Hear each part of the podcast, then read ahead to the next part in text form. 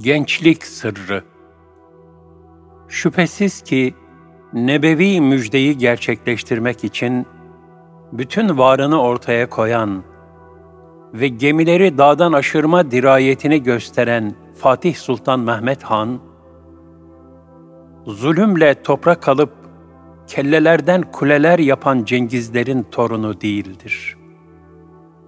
O, dünya saltanatından vazgeçip kendini ibadete vermişken, ehli İslam'ın kendisine olan ihtiyacı sebebiyle Manisa'daki inzivagahından çıkıp tekrar orduların başına geçen ve İslam tarihine Varna ile ikinci Kosova zaferlerini hediye eden Cihangir bir dervişin oğludur.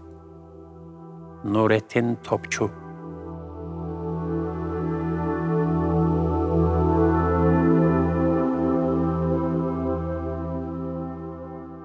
Gençlik Sırrı Bir milletin istikbalini önceden görebilmek keramet değildir. Zira gençlerin temayüllerini seyretmek, bunu teşhis için kafidir. Her devrin gençliği, kendi karakterine uygun bir şekilde enerjisini harcayabileceği ayrı bir heyecan aleminde yaşar.'' Bu yaşayış da bütün bir milletin adeta nabzı olur. Başka bir ifadeyle her millet, gençliğinin his ve fikir dünyasına göre şekil alır. Eğer bir millette gençler güçlerini hayır, maneviyat, fedakarlık ve fazilet yolunda sarf ediyorlarsa, o milletin istikbali aydınlıktır. Aksine gençler güç ve kuvvetlerini nefsaniyete yani kaba kuvvete esir ve ram ediyorlarsa akıbet hezimettir. Bunun tarihteki bir misali İstanbul Fatihi olma yolunda büyük bir azim ve kararlılıkla yürümüş olan Şehzade Mehmet'tir.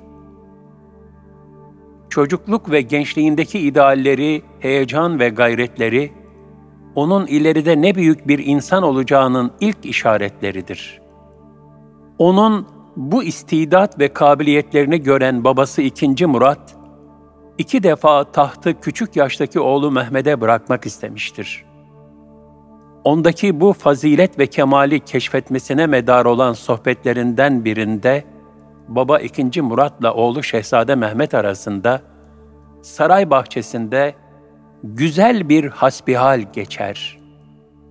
Bu hasbihal esnasında Şehzade Mehmet, hal ve hatırını sorduktan sonra babasına şöyle bir sual sorar. Ey benim devletli babam! Ne hikmettir ki sırtınızdaki milletin onca ağır yük ve eziyetine rağmen sizde diğer ihtiyarlardaki gibi yaşlılık emarelerine rastlamış değilim. Sizin de diğer insanlar gibi yaşınız ilerledi. Fakat onlar gibi eğilip bükülmediniz ve kamburlaşmadınız. Her türlü zahmet ve sıkıntıya rağmen genç yaştaki zindelik, kahramanlık ve yiğitlikle beraber akıl ve iradenizi yerli yerinde kullanmaktasınız. Bir bakıyorum, cenk meydanlarında muzaffer bir kumandansınız.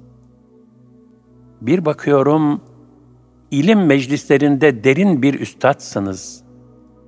Bir bakıyorum, halka hizmet eden samimi ve içli bir dervişsiniz. Geceniz gündüzünüz yok. Bütün bunlara fidan gibi boyunuzu eğriltmeden, o ince ruhunuzu yıpratmadan nasıl takat getirebiliyorsunuz? Bu nasıl bir sanattır baba?''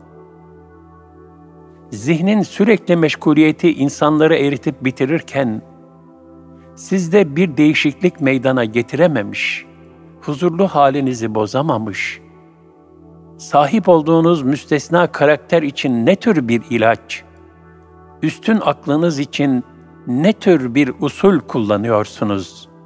Lütfedip bunları bana öğretir misiniz? Ta ki ben de sizin yolunuzca yürüyeyim.''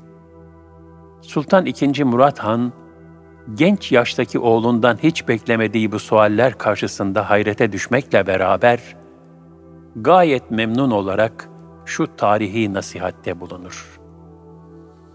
Ey benim sevgili oğlum! Beni sevindirdin. Kainatın ve bütün varlıkların kulluk eylediği Yüce Rabbim, sana vermiş olduğu üstün meziyetleri ziyadeleştirsin.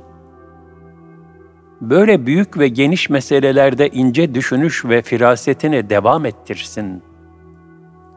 Ey oğlum, ben hayatlarını Allah yolunda geçirenlerin, bu dünyadan ayrıldıkları zaman ahiret aleminin o hayale sığmayan sonsuz nimetlerine kavuşacaklarına inanıyorum. Bu inancımda en ufak bir şüphem yoktur. Bunun için yüce Allah'ıma karşı yaptığım ibadetleri en samimi bir şekilde canı gönülden yaparım. Ben bu çile ve ıstıraplar dünyasında çektiklerimin karşılıklarının Allah tarafından ahiret aleminde verileceğine inanıyor ve her hususta ona iltica ediyorum. Ayrıca onun takdirinin yani kaderinin benim için büyük bir safa olduğunu düşünüyorum. Ey oğlum, her söylenene inanıp aldanmaktan uzak durmak, her ayrı durumun iç yüzünü öğrenip düşünmek ve asli hakikatine yaklaşmak gerek. Nasıl ki bir meyve ancak olgunlaştığı zaman güzelce yenir, bunun gibi insanlardan gün görmüş, bilgi ve tecrübesi yerinde olanlar da her zaman tercihe şayandırlar. Aksi halde olgun ve leziz üzüm salkımları dururken, henüz olmamış bir koruğu yemek, aklın zafiyetidir. Ey oğlum! Ara sıra yüce ecdadımı hatırlarım. Benden sonraki neslimizin akıbeti hakkında düşüncelere dalarım. Elhamdülillah, bugüne kadar sevgi, hürmet ve bağlılık görerek geldik. Bugünden sonra da aynı şekilde devam etmemizi arzularım.'' nasıl İslam fıtratı ile doğup geldiysek, yine öylece huzuru ilahiye selim bir kalp ve huzur dolu bir vicdanla gitmek isterim. Şunu iyice bilesin ki, herhangi bir şeyin devamı, yalnız kaba kuvvet, kılıç, kahramanlık ve ezici güç zoruyla mümkün değildir. Bu hususta akıl, tedbir, sabır, ileriyi görme, İmtihan ve yorucu tecrübeler çok mühimdir. Birinci yol yani kaba kuvvet her zaman geçerli olmadığı gibi mahzurları da çoktur. İkinci yolda her zaman tek başına bir işe yaramaz. Büyük muvaffakiyetler için her ikisini de bir arada yürütmek gerek. Unutma ki yüce ecdadımızın büyük zaferleri görünüşte kılıcın gölgesinde olmuşsa da hakikatte akıl, mantık, ilahi muhabbet ve bunların neticesinde Cenab-ı Hak'tan ilahi yardımın gelmesiyle gerçekleşebilmiştir. Ey oğlum! Bir an bile olsa sakın adaleti elinden bırakma. Çünkü Yüce Allah adildir ve adil olanı sever. Sen bir bakıma O'nun yeryüzündeki halifesisin.'' O sana kendi iradesiyle bir takım lütuflarda bulunmuş ve seni kullarının başına serdar eylemiştir. Bunu unutma. Ey oğlum, bu dünyada üç türlü insan vardır. Birinci grup, akıl ve fikirleri yerinde, gönül ehli, istikamet ve takva üzere hayat süren, doğruyu eğriden ayırıp, istikbali az çok gören ve düşünen, hiçbir gayri tabiilikleri olmayan kimselerdir. İkincisi, hangi yolun doğru veya eğri olduğunu bilmekten uzak olan kimselerdir. Ancak bu duruma kendi istekleriyle değil, etraflarının tesiriyle düşmüşlerdir. Nasihat edildiğinde doğru yola gelirler. hakikati kabul eder, söz dinlerler. Bununla birlikte çoğu zamanda duyup işittiklerinin hepsine uyarak yaşarlar. Üçüncüsü ise ne kendileri bir şeyden haberdardır, ne de yapılan ikaz ve nasihatlere kulak asarlar. Sadece kendi arzularına uyar ve her şeyi bildiklerini zannederler. Bunlar en tehlikeli olanlardır. Ey oğul! Yüce Allah eğer seni ilk sırada saydığım kimselerden yaratmışsa, sevinir, Cenab-ı Hakk'a şükrederim. Yok eğer ikincilerdensen, sana yapılan nasihat ve ikazlara kulak vermeni tavsiye ederim. Sakın üçüncü gruba dahil olmayasın. Onlar hem Allah'a hem de insanlara karşı iyi bir durumda değildirler. Ey oğul! Padişahlar ellerinde terazi tutmuş kimselere benzerler. Ancak asıl padişah odur ki, elindeki teraziyi hakkaniyetle tutar. Sana da padişah olduğunda teraziyi çok itinalı tutmanı tavsiye ederim. O zaman Yüce Allah da senin hakkında hayır murad eder, seni salihlerden kılar. Her şey O'nun malumudur. İşte baba ile oğul arasındaki bu muhabbet, firaset ve istikamet dolu nasihatler zinciri, adeta bir bayrak yarışı gibi elden ele, gönülden gönüle nakledilmiş ve tarihin en eşsiz, en asil ve en yüce devletlerinden birisi teşekkül etmiştir. Zaten devletler insanlar, insanlar da devletler gibidir. Çünkü devleti kuran, idare eden ve yıkılışa sürükleyen de insandır. Dolayısıyla insanın kudret, zaaf ve alışkanlıkları devletleri yüceltir de, alçaltır da. Bazı zamanlarda insanların manevi ve ruhi faziletleri hayatlarına hakim olur. Onlar da bu faziletlerle en sabırlı, en firasetli, en merhametli, en cömert ve en mukavemetli hale gelirler. Onların kurdukları müesseseler de bu renge bürünür. Bazı zamanlarda da insanın nefsani zaaf ve düşkünlükleri galebe halindedir.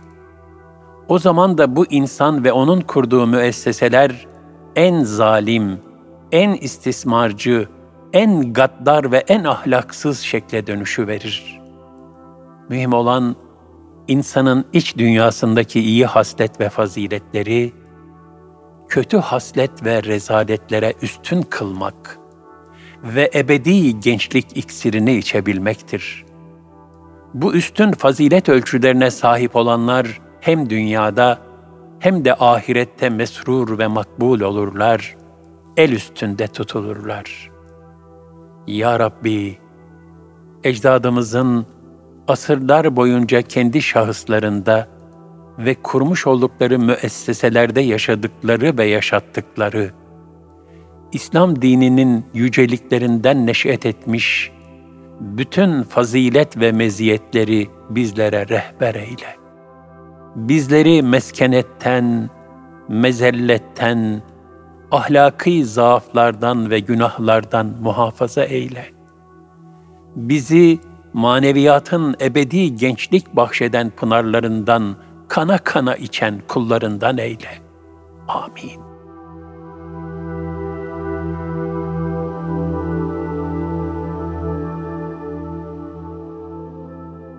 Öyle bir hayat yaşa ki müjdelerle ölesin.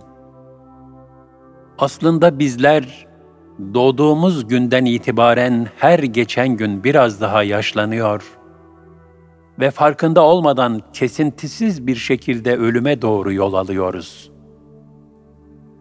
Ömürlerimiz adeta eskiyen fakat tamir kabul etmeyen binalar mesabesinde. Bütün dünyevi varlıklar gibi faniliğe mahkum. Gerçek ve sonsuz hayatsa beşikle tabut arasındaki mesafeye sığmayacak kadar ulvi ve ebedi bir hakikat. Böylesine sonsuz bir hayat karşısında dünya hayatı deryadan bir katre kabilinden değil midir?''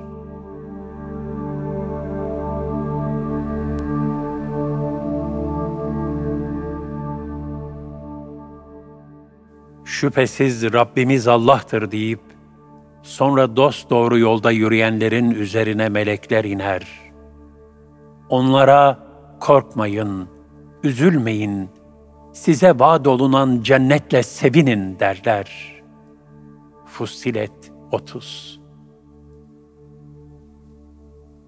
Hendek gazvesinde olduğu gibi tahammülün son raddesine dayandığı ve sabırların zorlandığı anlarda Allah Resulü sallallahu aleyhi ve sellem ümmetine esas hayat ahiret hayatıdır buyurarak bu dünyanın musibet ve imtihanlarının geçici olduğunu ve bunların istikbaldeki mükafatların sermayesi haline dönüşeceğini tebliğ ediyordu.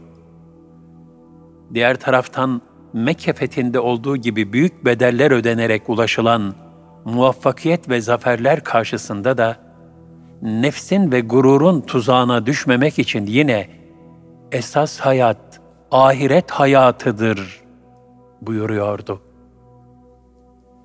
Sefaletini saadet zanneden gafiller, hayat nedir sorusuna, işte bu yaşadığımız gündür, o da kabir kapısında bitecektir diye cevap verirler toprağın rutubeti ve mezar taşlarının katılığında tükeneceği düşünülen böyle gafilane bir hayattan daha acı ne olabilir ki? Yaşanan hastalıklar, beklenmeyen sürprizler, meydana gelen felaketler, nice hayati tehlikeler, ölümle insan arasında ne ince bir perde olduğunu göstermeye kafi değil midir?'' Bu kadar ikaz ve alametlere rağmen ömür takviminden yaprakların birer ikişer düşüşünü ekseriyetle binbir gaflet ve his donukluğu içinde seyretmek ne acı. Tıpkı üzerinden akıp giden yağmur damlalarından nasip almayan kayalar gibi. Aslında bizler doğduğumuz günden itibaren her geçen gün bir parça daha ölüyor ve farkında olmadan kesintisiz bir şekilde ölüme doğru yol alıyoruz. O halde gerçek sonsuz hayat, beşikle tabut arasındaki mesafeye sığmayacak kadar ulvi ve ebedi bir hakikattir. Böylesine sonsuz bir hayat karşısında dünya hayatı, deryadaki katre kabilinden değil midir? Bu yüzden asıl hayat, Kur'an ve sünnet hakikatlerinin ruhaniyeti içinde yaşayarak ebedi saadete nail olabilmektir. Bunun yolu da dünya hayatını musibetleriyle de, zinetleriyle de ebedi hayatın ilk merhalesini teşkil eden bir imtihan safhası olarak görmekten geçer. Şair, yaratılış gayesine uygun huzur dolu, şerefli ve haysiyetli bir hayatı şöyle ifadelendirir. Entellezî veledetke ummuke bâkiyen والناس حولك يضحكون سرورا فاعمل ليوم تكون فيه اذا بكوا في يوم موتك ضاحكا مسرورا seni annen doğurup attığı gün ağlıyordun. Bütün alem gülüyordu bir yanda. Şimdi öyle bir ömür sür ki ölürken gülesin. Çağlasın gözyaşı halinde cihan arkanda. Dünyaya veda halindeki her insan son nefes aynasında güzellikleri ve çirkinlikleriyle bütün bir ömrünü yeniden seyreder.'' son nefesimizin pişmanlıkla seyredeceğimiz bir ayna olmaması için, Kur'an-ı Kerim ve sünnet-i seniyenin feyizli ikliminde hayır hasenat ve salih amellerle müzeyyen bir kulluk hayatı yaşamamız zaruridir. Zira hadis-i şerifte kişi yaşadığı hal üzere ölür, öldüğü hal üzere haşrolunur buyurulmaktadır. Başka bir ifadeyle son nefes, acı tatlı hatıralarıyla yaşanmış olan fani hayat sahnesinin son perdesidir. İşte ebedi ahiret yolculuğuna çıkarken, dünya hayatına bakıp söylenen bu son elvedanın mahiyeti çok manidardır. Şair Necip Fazıl'ın dediği gibi, o demdeki perdeler kalkar, perdeler iner, Azrail'e hoş geldin diyebilmekte hüner. Unutulmamalıdır ki, arif ve aşık gönüllü hak dostlarının dünyadaki huzurlu hayatı kabir alemlerinde de aynı huzur ikliminde devam etmektedir. Hz. Peygamber sallallahu aleyhi ve sellem de kabir aleminin onlar için bir cennet bahçesi halinde olduğunu müjdelemişlerdir. Aşağıdaki mısralar adeta böyle bir huzuru terennüm eder. Ölüm asude bahar ülkesidir bir rinde. Gönlü her yerde buhurdan gibi yıllarca tüter.'' Ve serin selviler altında yatan kabrinde her seher bir gül açar, her gece bir bülbül öter. Yahya Kemal Beyatlı Yükünü bırak da geç. Dünya malına aşırı düşkünlük, hayatı bu dünyadan ibaret görüp ahireti unutma gafletinin kahredici bir neticesidir.'' Kafirler ve fasıklar kıyametin o dehşet dolu gününde karşılaşacakları azaptan kurtulmak için dünyadayken sahip oldukları her şeylerini hatta kat kat fazlasını vermeye razı olacaklardır. Lakin o gün iş işten geçmiş, her şey bitmiş, fırsat elden kaçmıştır. Yükünü bırak da geç.'' Bir hak dostu ibret nazarıyla seyrettiği bir manzaradan hareketle, insanoğlunun ihtirasını şöyle ifade buyurur. Bir gün bir ağacın altında oturmuş dinleniyordum. Bir karınca dikkatimi çekti. Kendinden hayli büyük bir ekmek kırıntısını yüklenmiş, sürükleye sürükleye götürüyordu.'' Bazen bir su birikintisiyle karşılaşıyor ve etrafından dolaşıyor. Bazen de otlara takılan ekmeğin ucunu kurtarmak için didinip duruyordu. Ama ne ekmek parçasını bırakıyor, ne de rahatça taşıyabilmek için ekmeği ufaltıp küçültmeye razı oluyordu. Bu şekilde o sıcak günde bu ekmek parçasını uzun bir mesafe taşıdı.'' Nihayet yuvasına geldi. Lakin yuvasına giden koridor küçük, taşıdığı lokma ise büyüktü. Binbir zahmetle yuvanın ağzına kadar getirdiği ekmek parçasını bir türlü içeriye sokamıyordu. Ekmeğin etrafında dolaşıyor, parçayı döndürüyor, öbür tarafından çekiyor ama bir türlü lokmacık yuvaya girmiyordu. Bu manzara beni kendi halimi düşünmeye sevk etti.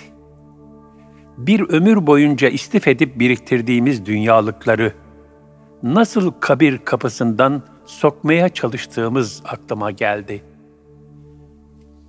Halbuki dünyada biriktirdiğimiz bu eşyanın, zinet ve servetlerin çok daha güzelleri bizi ahiret hayatında bekliyordu. Tabii eğer daha önceden oraya gönderebilmişsek.'' Hakk'ın lütfettiği nimetlerin nasıl sarf edileceğini bilmişsek, dünya nimetlerine takılıp kalmak, onun fani ve anlık zevk safası için sonsuz bir saadet imkanını zayi etmek gibidir. Tıpkı Yusuf aleyhisselamı kuyuda bulup, o ulvi nasibi üç kuruşluk dünya menfaatine satan gafil kervancıların hali gibi.'' Alnında nuru Muhammedi'yi taşıyan Hazreti Yusuf, haset sebebiyle kardeşleri tarafından kuyuya atılınca, Allah Teala onu orada muhafaza buyurdu. Çok susamış bir yolcu kervanı, içinde su var sanarak kuyuya bir kova saldı. İpe tutunan Hazreti Yusuf, kova ile birlikte yukarı çıkınca, kervancı susuzluğunu unutuverdi. Karşısında akıllara durgunluk veren bir güzellik görerek, hayret ve dehşetler içinde kaldı. Ancak gafil kervancı, bu güzelliğin manevi cihetine intikal edemedi. Onun maddesine takıldı ve gafilane bir şekilde az bir dünyevi ücretle onu elinden çıkarmayı tercih etti. Aynen Leylalara takılı kalıp ilahi vuslata eremeyenler gibi. Halbuki kuyudan su çekmeye giden adamın karşısında Hazreti Yusuf'un güzelliğini görünce suyu da kuyuyu da unutması ve karşılaştığı bu büyük ilahi tecelli karşısında kalbindeki gaflet perdesini yırtıp hayret ve dehşet içinde kalması icap ederdi.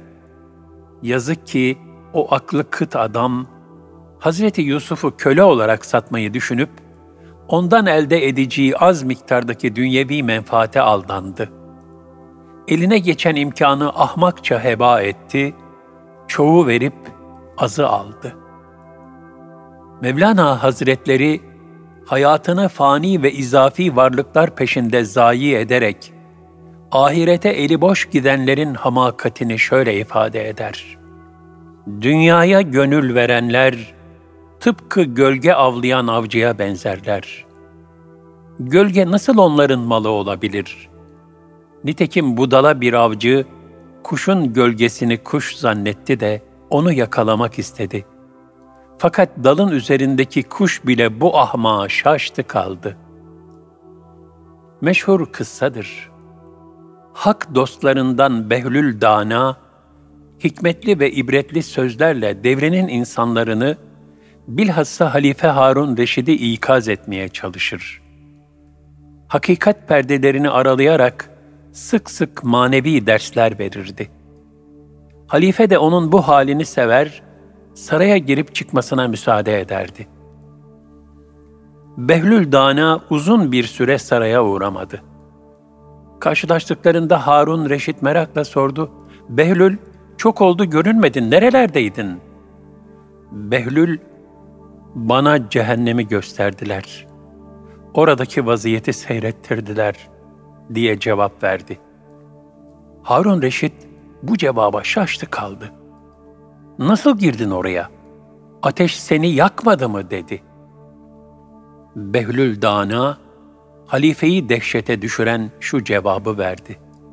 Hayır, orada hiç ateş görmedim. Çünkü herkes ateşini dünyadan kendisi getiriyormuş.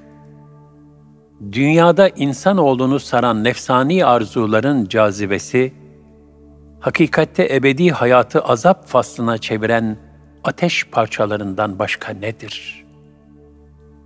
Bu dünyadan ahirete gönderdiğimiz her şey bizim. Türlü meşakkatlerle biriktirip burada bıraktıklarımızsa dünyanın ve mirasçılarımızındır. Ebu Hureyre radıyallahu anh'ten gelen bir rivayette buyurulur ki, İnsan öldüğü zaman melekler ne getirdi derler. İnsanlarsa ne bıraktı derler.